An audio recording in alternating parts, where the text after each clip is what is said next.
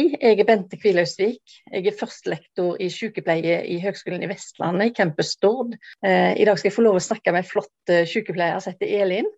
Ja, hei Bente. Jeg heter Elin Strommen, ja. Jeg er da sykepleier og er masterstudent i folkehelse og samhandling. Mm. Det er en spennende vei å gå. Veldig spennende.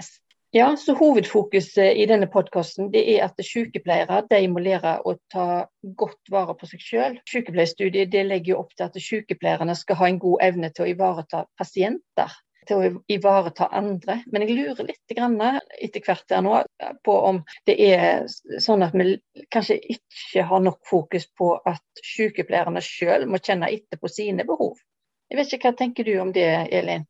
Jo, altså jeg tenker jo sånn i løpet av sykepleierstudiet så er det jo veldig mye fokus på, og en lærer på en måte, en får mye kunnskap om det å ivareta pasienter og menneskers grunnleggende behov, ja iallfall en pasienter. Mm. Og hvordan en skal eh, kartlegge disse behovene. Mm. Men det er jo ikke så mye av kollegaer, f.eks., eller, eller i sjekklista opp mot en sjøl. Det er det jo ikke. Nei. Det er jo menneskelige ting, alt det som går på grunnleggende behov. Det går jo alt fra ernæring og til søvn og ja, alle sånne ting. Og, og vi vet jo at det er viktig for oss sjøl òg. Ja, men vi er jo helt avhengige av på en måte å ha en balanse i det for å kunne fungere i hverdagen. For å kunne yte omsorg òg, og for å kunne hjelpe andre til å ivareta deres grunnleggende behov. Jeg lurer litt på, eh, altså Hvis en ikke klarer å dekke sine egne behov, klarer en da egentlig å dekke andre sine? Egentlig så, altså, gjør jeg nok kanskje ikke det, altså. Jeg ser for meg at uh, hvis en ikke har lært å kjenne etter uh, hva behovene er sjøl, så hvordan kan en da identifisere andre sine behov, eller, eller ha forståelse for de behovene? Ja. Det blir litt utfordrende. Hvis du får for lite søvn, hva skjer da? Nei, da blir jeg jo mer avlogga, da. Og fanger mange negative ting. Ja.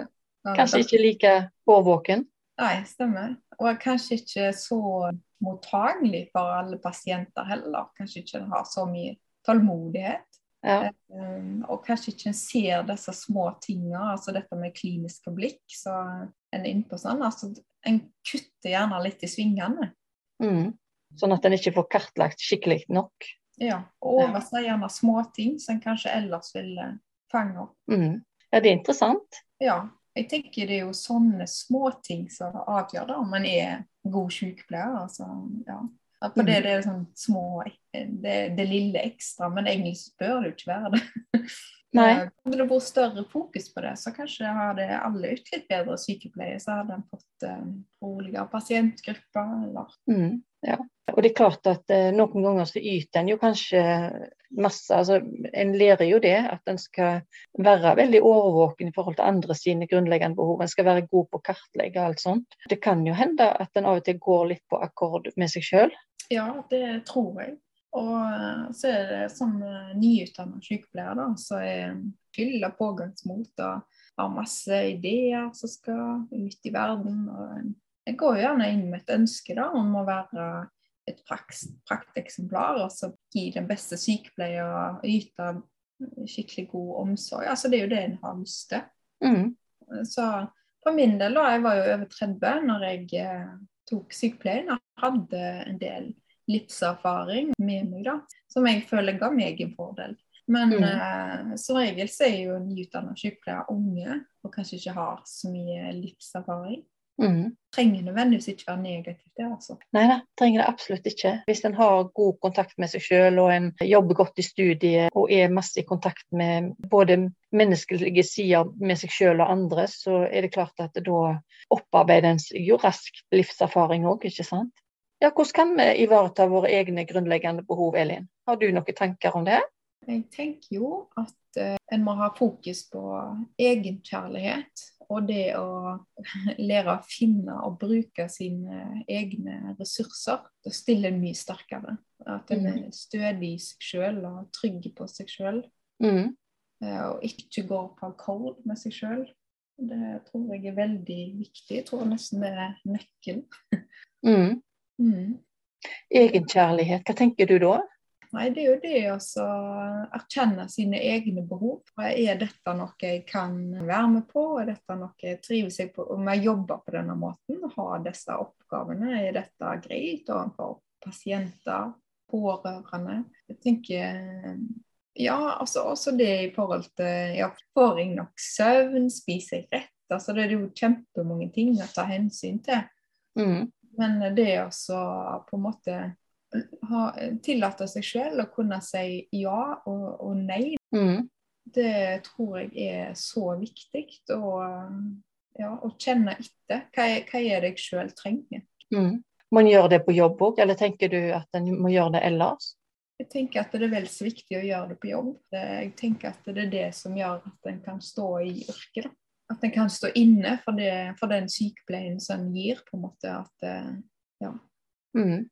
Så kanskje en må snakke med kollegene sine om hva som er greit og ikke greit. Kanskje en må reflektere eh, i avdelingen, kanskje en må reflektere sammen med kollegene sine eh, i forhold til å ta vare på seg sjøl mens en er på jobb. ja, det tror jeg er veldig viktig. Og at en har en leder som kan faktisk eh, kanskje reflektere i lag med lederen nå. At de kan identifisere litt behov og hvordan ting egentlig fungerer. Jeg tror det vil være mye mer helsefremmende å på en måte ha en litt sånn mer åpen dialog. Den en eh, på en måte sammen på en avdeling Finne en måte så ja, at ikke alle må jobbe på akkord med seg sjøl. Jeg jeg tror ikke det Mm. ender godt. Mm. Og der er vi jo gjerne ulike òg som kollegaer, altså i en avdeling. Ja. At det er ikke alle som har akkurat de samme eh, behovene. At en må ha en forståelse for at vi er litt forskjellige, og at vi tar hensyn til det. Ja, og noen jobber raskere og senere, noen snakker mer og ikke. Altså det er jo, vi er jo veldig forskjellige, men at det, det er greit. At det ikke må være sånn at vi Nå har vi tre pasienter hver. Mm.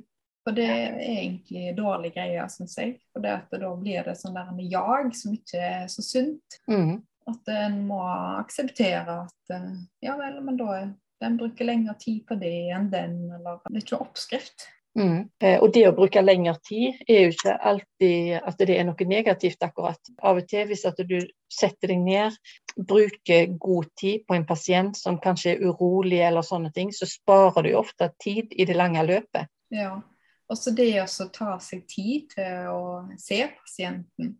Mm. Og, um, fordi at de har så De er jo så forskjellige pasienter nå, det er ikke bare vi som er forskjellige. Men det å ta seg tid og se hva de faktisk trenger. For når de ikke blir sett, du bare ser sykdommer og kateter og sårstell, og så, så Mm. når du gjerne ikke gjennom. Men så Nei. klarer du å se de og så spørre litt utenom og fokusere på litt andre ting, så når du kanskje inn til de. Plutselig er de oppe av senga, og da blir jo kanskje behandlingsforløpet et helt annet. Mm. Så jeg tenker at det, det er kjempeviktig at vi spiller på det mellom, altså det menneskelige. Og det, Mm. og det gjør at de jo føler de bedre ivaretatt. Mm. Kommunikasjon og relasjon. Ja. Ja. Du hadde et godt eksempel på det, Elin, hadde du ikke det? Jo, jeg var student, og da eh, var det en pasient som var, var sengeliggende i seks uker. Og det var ganske komplekst bilde, det var mange, mange ting inni her. da. Og når jeg kom inn på rommet, da, så var det veldig noen tung energi. Og jeg la merke til at uh, alle pleierne som var der inne, de, de så på en måte ikke på en, så ikke i øynene hans. eller de bare så på, sånn som jeg nevnte i stad her, med sårceller og kateter og sonde. og Mm. Men eh, så, sa, så jeg hørte på dialekten hvor han var ifra, så jeg sier at jeg kjenner noen som kommer derifra. Jeg kjenner sånn og sånn og sånn. Og da på en måte merker jeg at han en kvikna til, da. Og Mm. ja, å ja, kjenner du han? Og ja, fikk liksom en annen kontakt. Mm. Så jeg merka det når, når jeg var med inn og stelte han, da, så var det meg han henvendte seg til. Og at han, du kunne se en smil og glimt i øynene. og så etter to dager så var han med ut i rullestol, og vi var ute og spiste is. Og da ble det jo sånn at han var oppe hver dag da etter det. Ja, Da kan du begynne å tenke rehabilitering. Ja, jeg syns jo det var bare kjekt for min egen del òg. Det var så mye kjekkere også når du føler du har en kontakt, enn når du bare går inn og så nesten steller i dukka. Det å behandle dem med navn på en måte, og ikke bare nummer på døra. Mm. Vi skal jo jobbe med personsentrert omsorg. Ja. Det er klart at dette var en liten touch av det, da. Mm. så skal vi egentlig gå enda mye lenger inn i det. Ja. Det er ikke alltid det skal så kjempemye til. Jeg tenker det er så viktig å prøve å finne det triggerpunktet som gjør at du får kontakt. Ja. Da kan det skje magi. Ja, jeg tenker det. ja. ja. Men så var det det med å ta vare på seg sjøl mens en yter omsorg til andre, da? Ja. Og det er jo sånn at uh, alle går gjennom masse ting gjennom livet. Og uh, når en er ung, og så gjerne ikke barn og ikke stifter familie, så plutselig så Og jeg tenker som sykepleier, det er liksom ikke bare et yrke, det blir jo en livsstil. Ja. For en er jo omsorgsperson på fritida, så en er jo for familie og venner. Og, så om en ikke tar på en måte pasientene med seg hjem, så har en på en måte den omsorgsbiten og ja, deler av mm. seg uansett. Det blir gjerne sånn at familiemedlemmer regner mer med deg som en omsorgsperson hjemme òg. Altså, det, kan, det kan jo være både foreldre og søsken og venner og andre. sant? Mm. Unger. Ja. At en gjerne tar et større ansvar. Jeg vet ikke, er det sånn? Jeg tenker det har lett for å bli sånn iallfall. Det er sånn for alle. Så... så hva skjer da? Ja, altså Når det blir for mye ansvar, så blir en gjerne mer sliten, og plutselig så begynner en å få litt sånn søvnløse netter. Og da blir en jo fort mer sårbar. Så plutselig så blir en på en måte trøtt i arbeidsdagen. Ja, en klarer ikke å yte maks hvis en ikke ja, hvis en er trøtt og sliten. En klarer ikke det. Nei. Iallfall ikke over tid. Nei det, det, kan gå på en kort periode, på en måte, men uh, sånn i lange løp så tror jeg at eh, akkurat som en mister liksom, små biter av denne entusiasmen da, som gjerne gikk så hardt ut med mm. pågangsmotet, det kan gradvis bli redusert. Det kan gjerne føre til da, at en ikke kjenner etter hva, hva kroppen trenger. da. Nei, At en begynner å gå litt på autopilot bare? Ja, begynner å gå på akkord med det en egentlig ville. Ja. Tilbake til det med grunnleggende behov. Handler det om at en ikke har lært nok om sine egne grunnleggende behov? Tror du det? Ja, det, det tenker jeg jo. Hvor skulle vi ha lært det? Kanskje det skulle ligge i sykepleierutdanningen? Ja. Jeg tror nok det hadde vært til fordel for å unngå utbrente folk, og det å kunne stå i yrket lenger, og kanskje trives bedre òg. Mm. Ja når en ikke er helt på topp sjøl, så, så, går det jo utover trivselen. Mm. Jeg har jo sjøl gått i den fella da, og blitt uh, sliten. Sliten på hjemmebane, så ble en sliten på jobb, og så ble en trøtt. Og så trenger det nødvendigvis ikke være at det er yrke, men uh, jeg tenker jo at det har med at jeg mangler, mangler kontakt med meg sjøl, og det at uh, jeg ikke kjente mine egne behov, ikke, ikke lytta til hva kroppen min trengte. Mm. Og da førte det egentlig videre til da, at jeg de verdiene jeg gikk ut og hadde som sykepleier, at de på en måte de ble litt redusert. da, Eller det var lettere å kanskje ta litt kortere veier, på en måte. Ikke det at jeg hoppet over prosedyrer, altså, men Kanskje han ikke klarer å være så masse til stede. Jeg tenker litt sånn de her med korona og, og folk forteller om at de må planlegge hvor mye de drikker, for at de har ikke mulighet til å gå på toalettet. Er det en øving i å la være å lytte til grunnleggende behov hos seg sjøl? Altså, Det høres jo ikke greit ut i det hele tatt. Hvordan skal vi kunne yte god sykepleie hvis vi ikke har tid til å gå på do, eller å planlegge hvor mye vi skal drikke, hva tid vi skal spise, fordi vi vet ikke hva tid vi kan gå på toalettet da? Da er vi liksom på helt altså, Vi er jo på kollisjonskurs. Mm -hmm. Altså, eh, Hvis vi skal kunne yte god sykepleie og på en måte trives og få den ja, harmoni på jobb òg, så tenker jeg at det, det, er viktig at vi har kontakt med oss sjøl. At vi er til stede her og nå når vi er på jobb og ser pasienten. Yte så bra vi kan. da. Mm. Så av og til så må en jo gjerne bare gjøre ferdig ting, selvfølgelig. En kan ikke bare eh, slippe alt en har i hendene og ivareta egne behov mens en er på jobb. Men det er noe med å ha tid til seg sjøl eh, over tid. Men er det for lett å bare hive seg på stress og jag i avdelingen, altså? Er det det en gjør? Ja, jeg tror det.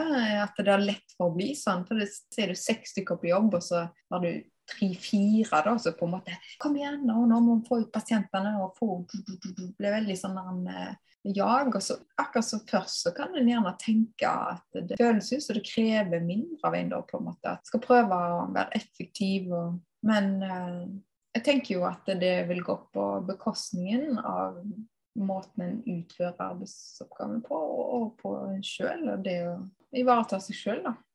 Mm. Så at en da gradvis slitt ned, men det er jo gjerne vanskelig å se det da. Altså er det, Koker det på en avdeling, så er det jo klart at en må jo gjerne gire opp, på en måte. Men en kan ikke alltid springe, for dette da mm -hmm. Det går ikke i lengden. Mm. Det skal være helsefremmende å gå på jobb. Det må jo være en premiss. Ja. Og så for å klare å være der for andre, så må en jo ta seg tid til å ta vare på seg sjøl. Mm. Og se på seg sjøl som et uh, terapeutisk verktøy som som også trenger vedlikehold. Mm. Og min måte å gjøre det på, det har vært å jobbe med bevissthetsutvikling. Mm -hmm. Som har gjort at jeg har hatt veldig stor personlig vekst. Mm. Å bli trygg på meg sjøl. Og, og, det, og det som jeg nevnte her tidligere, det om at en sier ja og nei når en kjenner at dette er greit og dette er ikke. Og så må en gjerne se på En kan ikke alltid si nei da, hvis noen ikke vil. Ja, hva andre løsninger kan være? altså. Ja, En må på en måte ta seg tid til å stille litt spørsmål og kritisk refleksjon. Er dette OK, både for meg sjøl pasienten? Mm. Når en uh, yter en god sykepleie som sykepleier, så gir det en veldig mestringsfølelse. En på en måte vi har lyst til å ha med oss videre og utvikle og lære videre til andre. Mm. Uh, og, og, det er jo kanskje det som gjør at uh, folk kan stå i yrket i mange år. Mm. Det at en er til stede. Ja.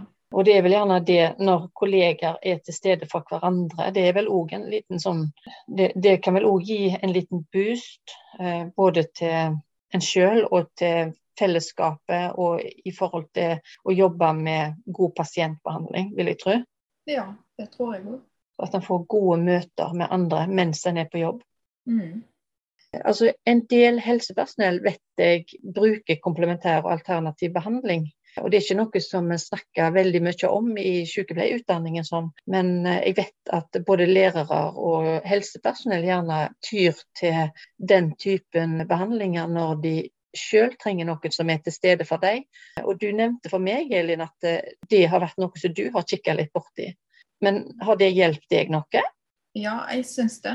Og det er noe med å akkurat kunnskap i begge bein, både i skolemedisin altså det mm. lærer på sykepleien, er jo mest, mest av det. Og så det å fylle på i andre beinet da, med alternativ behandling. Og det å ja, ha litt kurser, ha litt kunnskap inn det, det tror jeg en har alt å vinne på. for det, det tenker jeg at en bruker det beste, kan bruke det beste fra to verdener. Mm. Så det har hjulpet deg til å utvikle deg sjøl som person?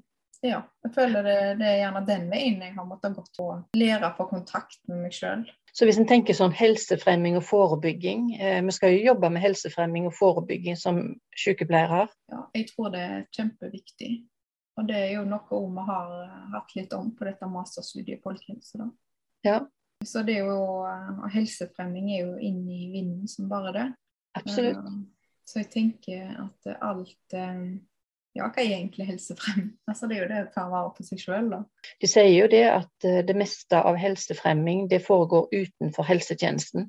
Vi skal jobbe med helsefremming og forebygging innenfor helsetjenesten, men uh, mye foregår utenfor.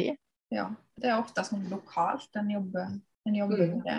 Og så mm. tenker jeg det som sykepleier da har litt kjennskap til alternativ behandling det tenker jeg vil være en kjempefordel Mm. Vi skal ikke nødvendigvis gi en alternativ behandling, men kanskje vi kan lære noe om tilstedeværelse? Ja, og det, er det å gjerne på en måte ha forståelse for at vi er mer enn bare en kropp. Ja, Har vi ja. noe å lære der? Ja, jeg tenker det. For det der er det mer, det er mer fokus på det. Å se på en måte hele pasienten, og ikke, ikke bare kroppen. Ja, Spennende. Ja, nei, så Det med komplementær alternativ behandling det kan være én måte å jobbe med helsefremming og forebygging på.